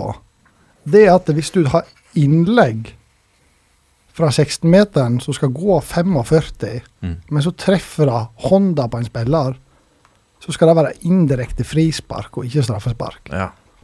Hva tenker du om det, Ole blir altfor Martin? mye straffespark. Ja, Det er ikke noe dum eh, tanke, det. det og Hens-regelen har jeg vært innom før, den skjønner jeg fortsatt ikke. Men uh, det er ikke noe dumt forslag, det der. Jeg er helt enig at det er uh, altfor mye straffespark på Hens. Altså, hvis du ser på antall kamper da, som ender 1-0, 2-1, og så skal du dele ut straffespark i hytt og gevær Jeg er helt enig, Du kan få straffespark hvis du har et skudd som er på vei mot mål, Mm. som blir stoppa. Eller en takling bakerste mann, liksom. Men, men en pasning 45 og så spredt opp i armen til, på en som er på vei ut på 20 meter, totalt ufarlig, rett på merket. Da skjønner jeg jo at spillere spiller etter det. Ja. Og chipper han opp, da, det er jo kjempegevinst. Men har du noen gang vært med på at det blir skåra mål på indirekte frispark? Ja, apropos å, å se på alt av kamper. Jeg så på hva fanken var Real Betis mot Español eller noe sånt for en tre-fire uker siden. Da fikk Real Betis indirekte frispark to minutter før slutt. Da klarte de å skåre. Og så har jeg skåra på det sjøl en gang, Ja, ja. På Hødvoll. Tilbake i 16, tror jeg det var. ja, for Sogndal Nei, for Levanger. For Levanger, ja. Mm. Stemmer. Men ja, for det er ikke bare bare. Fordi det blir jo, hvis den er eh, nærme nok mål, så blir det litt for liten plass for å klemme inn et skudd der. Ja, Hvis du setter elleve mann på streken, så er det Yes. klart det er, det er ikke mye plass. Nei, men da må du jo bare brenne til og håpe på det beste. Jeg håper at noen er redd. Ja, ja eller redd eller refleks, liksom. Ja, ja. Vi um, har et sånt standardspørsmål som vi må stille alle gjester, og det er uh, Hvis du skal sette opp din fire norske fotballstjerners middag, uh, hvem ville du invitert, og hva ville du laget? Og jeg hadde laga langtidsstekt kjøtt. Ja. Det hadde jeg laga med litt uh, Det lager seg sjøl på mange måter. Ja, ja. også litt uh, Men forberedelsene må være i orden. Helt riktig. Så hadde jeg kjørt på med da eh, sesongens rotgrønnsaker. Ja. Og så en nydelig bearnés fra Fjordland. og så hadde jeg ja, Hvem hadde jeg invitert med meg da? Jo, jeg hadde tatt med meg Raymond Kvisvik. For han har jeg aldri fått spilt mot, og kjenner ikke i hele tatt, så han hadde jeg hatt lyst til. Og han ser ut som det er trivelig. Og han kan kjøre gravemaskin òg. Så da kan det hende han kan lempe opp i dumpen min, da. Vet du, så kan vi ha starta firma, jeg og han. Se for deg sånn sosial aktivitet på Firestjerners middag der, hvor de, han graver med gravemaskin oppi dumperen din. Det er litt sånn annen underholdning. Ja. Jeg har jo tenkt på det. Petter Pilgaard òg. Ja. Skulle jeg bare fått med TV2 Sebra på slep. Petteren i gravemaskina, jeg i dumperen, og så kjører vi rundt og ordner litt. Skulle blitt fart på E6-en. Ja. Nei, og så måtte jeg ha hatt med meg Drillo. Det er kanskje litt sånn kjedelig svar, da, men jeg liker jo geografi. Mm. Og der er jo han en uh, racer. Og så tror jeg han har mye artige historier. Hvis du bare klarer å få han på, på godfot, så tror jeg òg at han kan komme med litt interne, interne saker under, under åtte øyne på en middag. Og så skal vi se hvem jeg skulle hatt med da. Jeg har, dette har ikke jeg eh, rukket å tenke på, så jeg er litt Ja. sånn usikker. Men jeg, jo, jeg hadde tatt med meg Tommy Ørn. For der Tommy òg. Ørn, ja. Han må- liker du godt, eh, Lasse. Eh, som fotballspiller ja, var han jo god, men jeg, jeg har jo eh, aversjoner mot eh, noe han har prestert på fotballbanen. Ja. Det er riktig. Ja, han er fantastisk trivelig for type. Alltid godt humør. Byr alltid på seg sjøl. Når han var med på bortekamper og sånt, så var det standard at han var framme en 10-15 minutter. Framme med mikken og kjørte litt sånn uh, guida tur, eller bare rør, da, selvfølgelig. Men folk satt jo og flein i baksetet, så han er nydelig å ha med seg på sosiale lag. Det er sånn Jeg foretrekker folk som jeg kan ha med på sosiale lag, som jeg slipper å passe på Ja. som bare ordner seg sjøl. Hvis, hvis du må være med, og så må du gå og se til at eh, de har noen å prate med, og det funka ikke. Nei. Så to, Der er ikke Tommy. Han hadde ordna seg. Det tror jeg Kvisviken òg hadde gjort. Det er jeg ikke så bekymra for. det. Så det, det hadde blitt deg. Nydelig. Uh, noe dessert der? Var det, var du innom det, eller? Nei, det eter jeg aldri. Nei. Så uh, Kakestykke, kanskje? På Nei, vi hadde gått for en Irish. en Irish? ja. En Irish. Den tror jeg Drillo òg hadde satt pris på. Dette er toppfotball. Og så har vi fått inn noen lyttspørsmål som vi selvfølgelig må innom. La oss begynne med Kitsby Mat på eh, Insta. Eh, han eller hun lurer på topp tre utesteder i Levanger. Nei, det blir vel de tre seere, da. det er vel eh, Hva heter det? Orion og Oscars og Jeg vet da pinadø ikke om det er flere. Men de har vel skjenking nede på bowlingen, da, så da får vi inn på dreie. Nei, der er ikke de rare greiene. Det er litt tungt da du skal Nei. på byen. Også. Det er det der stedet som begynner på O. Ja. O.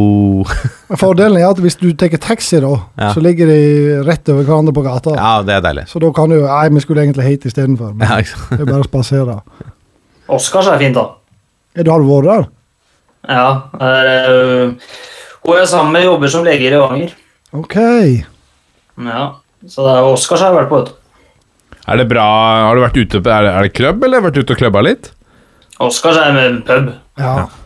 Eh, Men eh, helt ålreit pub. De hadde god pils der òg.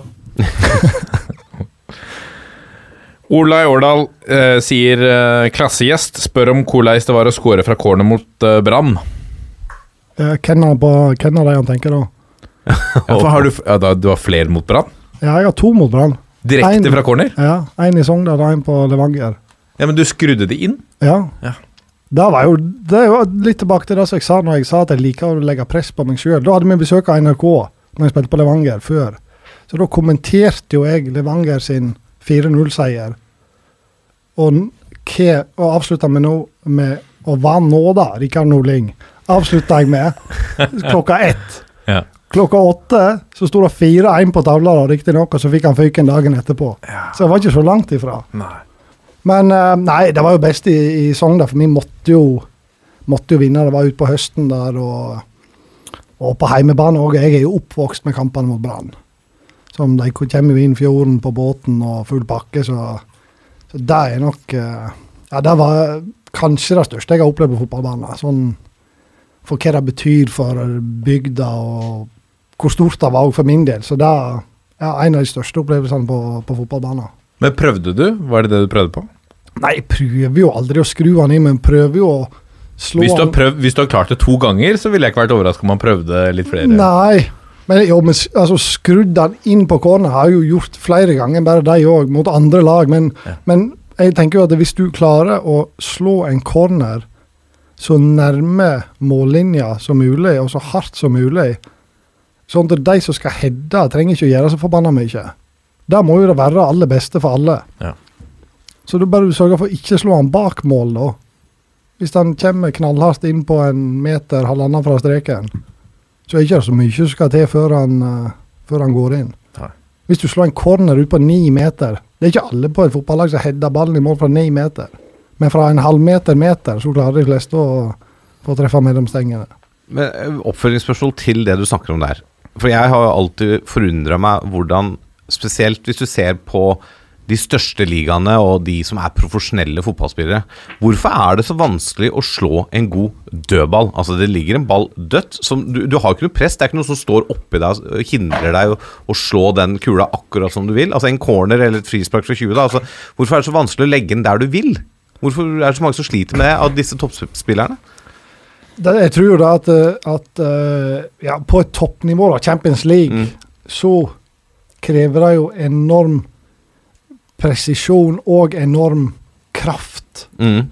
Da trenger du nødvendigvis ikke i Obos-ligaen, på en måte. Så, Nei. så det kan hende det ser bedre ut i Obos-ligaen kontra et korridorfrispark på 30 meter mellom City og Chelsea. Ja, fordi at marginene er mye mindre for at det skal bli farlig, for at det er bedre å forsvare seg. Mm. Men jeg er jo delvis enig. Det er jo veldig sammenlignbar. Altså enkelt å sammenligne. Mm. Enten så klarer du det, eller så klarer du det ikke. Ja.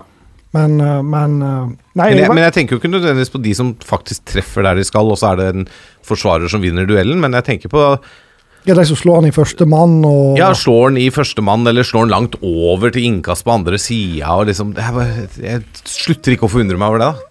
Nei, nei men, men alle de som slår corneren, da. Mm. Hvis de bare skal få ballen inn i femmeteren, Ja, så gjør de jo det 49 av 50. ja.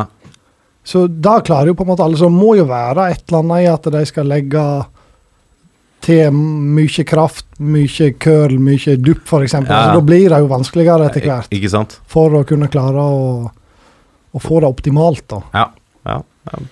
Meld deg på Ørjan Opens cornerskole, som uh, går av stabelen uh, i uh, Eh, kanskje under- sommer 2022. Det er sånn underbranch av Tore André Flos fotballskole. Eh, vi har fått litt spørsmål som vi har uh, tatt til comebacket ditt. Det har vi jo snakket litt om. Men Jonny Normann Olsen lurer på er kunstgresset på Nordre Åsen den verste banen du har spilt på. Hvis ikke, hva var verre? Eh, det er vel den verste banen i Ja, kanskje i lag med den som var på Levanger òg, i sin tid. Jeg vet ikke om du har vært oppe der, jeg, eh, Martin? Og, Og Levanger. ja, gamle baner som lå der. Jeg rakk vel å være der rett før de la om. Det var jo, det var jo eldgammelt, ja. Jeg kan, jeg kan forstå at du sammenligner den med gamle Nordre Åsen òg. Ja, det er Jeg har klart jeg har spilt på noen baner rundt om i tredjedivisjon i Sogn og Fjordane òg, og det er ikke bare det nyeste som ligger rundt om der. Annet en bane på Jølster. Ja. Den tror jeg pinadø ikke var mer enn eh, kan ha vært 40 meter brei, da. Så de satsa jo bare på lange innkast, Ja. og stabla jo opp. Vi stilte jo med et sånt juniorlag. En tre-fire fra ungdomsskolen og resten på videregående. Så kom de med sånne her eh, bonder på 90-100 kilo, sant? så det, vi tapte vel 2-0 eller et eller annet sånt. Og der var jo de lå sist, og vi leda. Ja. Men sånn blir det jo da når banen er 40 meter brei, og du kan kaste ballen inn i femmeteren fra overalt. Men eh, nei, Nordre Åsen må være topp tre dårligst, i hvert fall, i toppfotballen. Ja. Da, jeg vet ikke hvordan det går, om de har fått lagt nytt gress oppå der nå. jeg. De drev jo og kåla med det der i flere år. Jo, det er, det er ferdig, det. Men de, har jo, ja, de spilte det litt i fjor, og så måtte de inn i Intility, for det var noe nei, inn i Valhall. For det var noe trøbbel med nye anlegget. Så jeg vet ikke om det er helt ferdig, men uh, nytt gress ligger det der. altså. Ok. Benjamin uh, Sears, som egentlig heter Sars, men ikke denne podkasten. prat litt om han legenden som han jobba sammen med på det bilverkstedet. Jeg husker ikke navnet på han, men jeg husker mange av videoene. Ja, det er jo en sånn uh, karakter jeg, Når jeg spilte på Levanger, så jobba jeg på Toyota som bilklargjører. Altså, jeg polerte og ribba og vaska innvendig og utvendig. Og da var det en, en variant der da, som var Som jeg ble, fikk god kontakt med. Han hadde vel en eller annen, jeg vet ikke helt hva den sykdommen heter, men han, han var jo utplassert fra Nav da. Og en aldeles nydelig mann. Så vi begynte jo å gjøre litt sånne artige ting da på, på Snapchaten. Så det tok jo helt fyr etter hvert. Ja. Jeg posta jo han ut på Story hver dag da med ord for dagen, og plutselig fikk han bare et kamera opp i trynet da. Rangere disse tre damene fra hottest til not. Så fikk han Siv Jensen, Pamela Andersen og ei eller anna til. da. Og så sto han der og glodde og tenkte seg om og, og leverte noen svar. Så, Så folk ble jo så glad i Tetle da etter hvert. Så uh, før jeg skulle reise der oppe ifra, så, uh, så la jeg ut en ny story da, om ikke folk ville være med og spleise på julegave til Tetle. Da fikk jeg jo inn 10 000 kroner. Helt enormt. Fikk kjøpt ny TV og Xbox og saltstenger, for det elsker han. Leina opp på seg ny genser. Han var jo i nydelig humør. Fantastisk. Skjønte han liksom Han har fått med seg hypen, eller? Ja, ja, ja, for han sender jo inn sånne videoer som ligger på Instagrammen min da, i ny og ne. Ja. Når jeg spør at nå lurer fansen på hva det går med deg. Ja. For da ble jo det jo mange av Sånn som Petter Northug og sånt. Hadde, han hadde jo Han prata jo med på FaceTime plutselig. For eh, jeg tror han var så interessert i å prate med Petter, og så hadde han gjort en avtale, eller jeg hadde gjort en avtale, at han skulle få prate med han litt. Når han og Emil var nede på Emil Iversen var nede på Gran Canaria. Så da var det opp FaceTimen, og så sto han og prata med guttene i ti minutter kvarter mens jeg vaska bilen. Prata bare skit. Og så bare røverhistorier. Hvis du forteller røverhistorier til ham, så knekker han jo sammen av latter og tror på alt. Det var det beste han visste. Han var en nydelig mann. Han hadde jo en helt episk kommentar òg. Etter var oppe kommenterte travløp oppå Leangen. Og så var Stokken, da, som var med, Stokstad fra som jobba i LSK, og han var med og skulle lage reportasjer og få noe hype om travet, tror jeg det var. Og så hadde jeg med meg Tetle, da. Og vi satt nå der, og så hadde Stokken laga en bong, da. Til han og Tetle igjen. Jeg satt seg en 128 kroner eller et eller annet. Og så var hun Nina Stenere, ganske flott eh, monterrytter, som, eh, som hadde ridd ene løpet. Og så eh, gikk dette her bra de fire første løpene. Så hadde de alle igjen til slutt, da, alle hestene. Så da kunne det variere fra på om det var 400-500 kroner jeg, til par og 40 000. Og da, eh, da, eh, da meldte altså Tetle at hvis det blir 44 000, så skal du få ri noe annet enn hest. Til hun Ina Stene. og hun holdt jo på å drepe seg, selvfølgelig. Hun skjønte jo at dette her var jo bare rør. Ja. Men han var helt enorm mann. Vakkert. Det er flere som etterspør eh, om det kommer noe mer eh, Hopen og, og Tetley i monitor. Ja. Nei, det, folket likte det. Ja. Så jeg har jo ute det jevnlig på Instagram. Par sånne hilsener. Hopen uh, 19. Hopen 19, ja. Yes, det er bare å gå inn og få med seg det som skjer. Um, Geir Høyland lurer på hva gjorde at du valgte Bryne på høsten 2013? Eh, Det var vel fordi at de hang med i, i toppen, og så hadde de Ole Hjelmaug som uh, assistenttrener. Han hadde jo jeg på Sogndal 2 når jeg var ja, på ungdomsskolen videregående. Så det var vel mye av grunnen til det. Ja. Enkelt og greit. Han kunne fortalt at det hadde blåst litt der nede. Geir er jo blant bestekompisene til Brauten. Å ja, er det, ja? ja. Ja, ja, ja. Um, jeg så, og det er jo en kjempedigresjon, selvfølgelig, men apropos Brauten, jeg så han nå snakket om at nå hadde den gått ned. Hadde han gått ned? Nei, gått opp. Gått opp, ja. Fra 86 kilo til 92 kilo.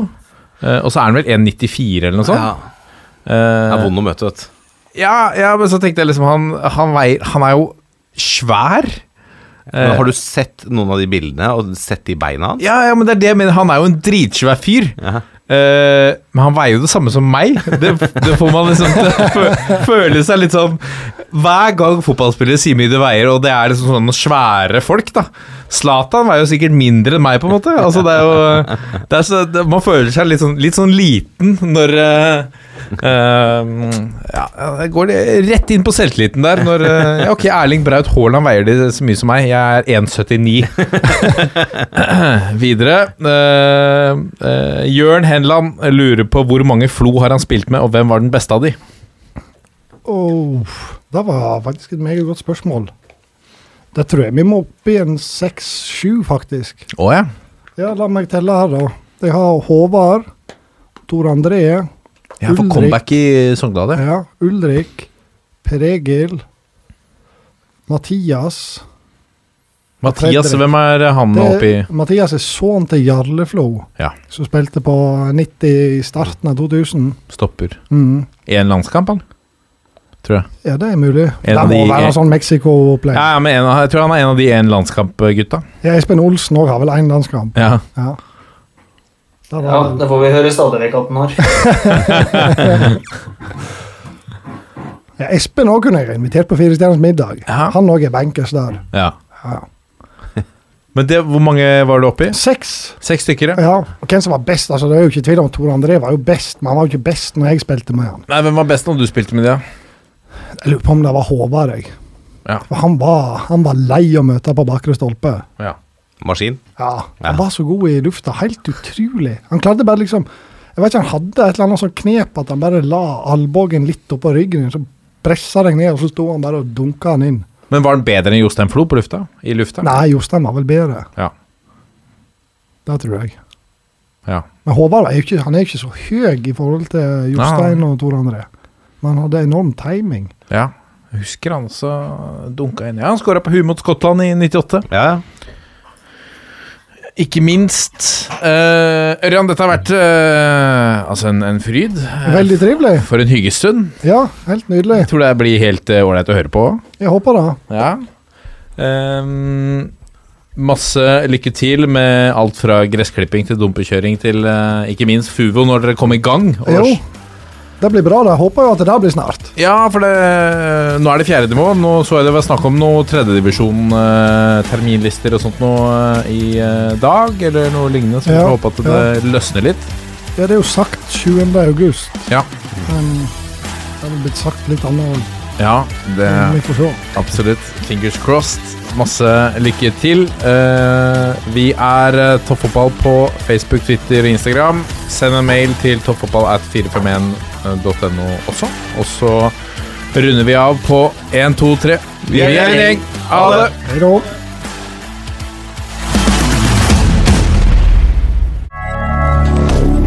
Moderne media.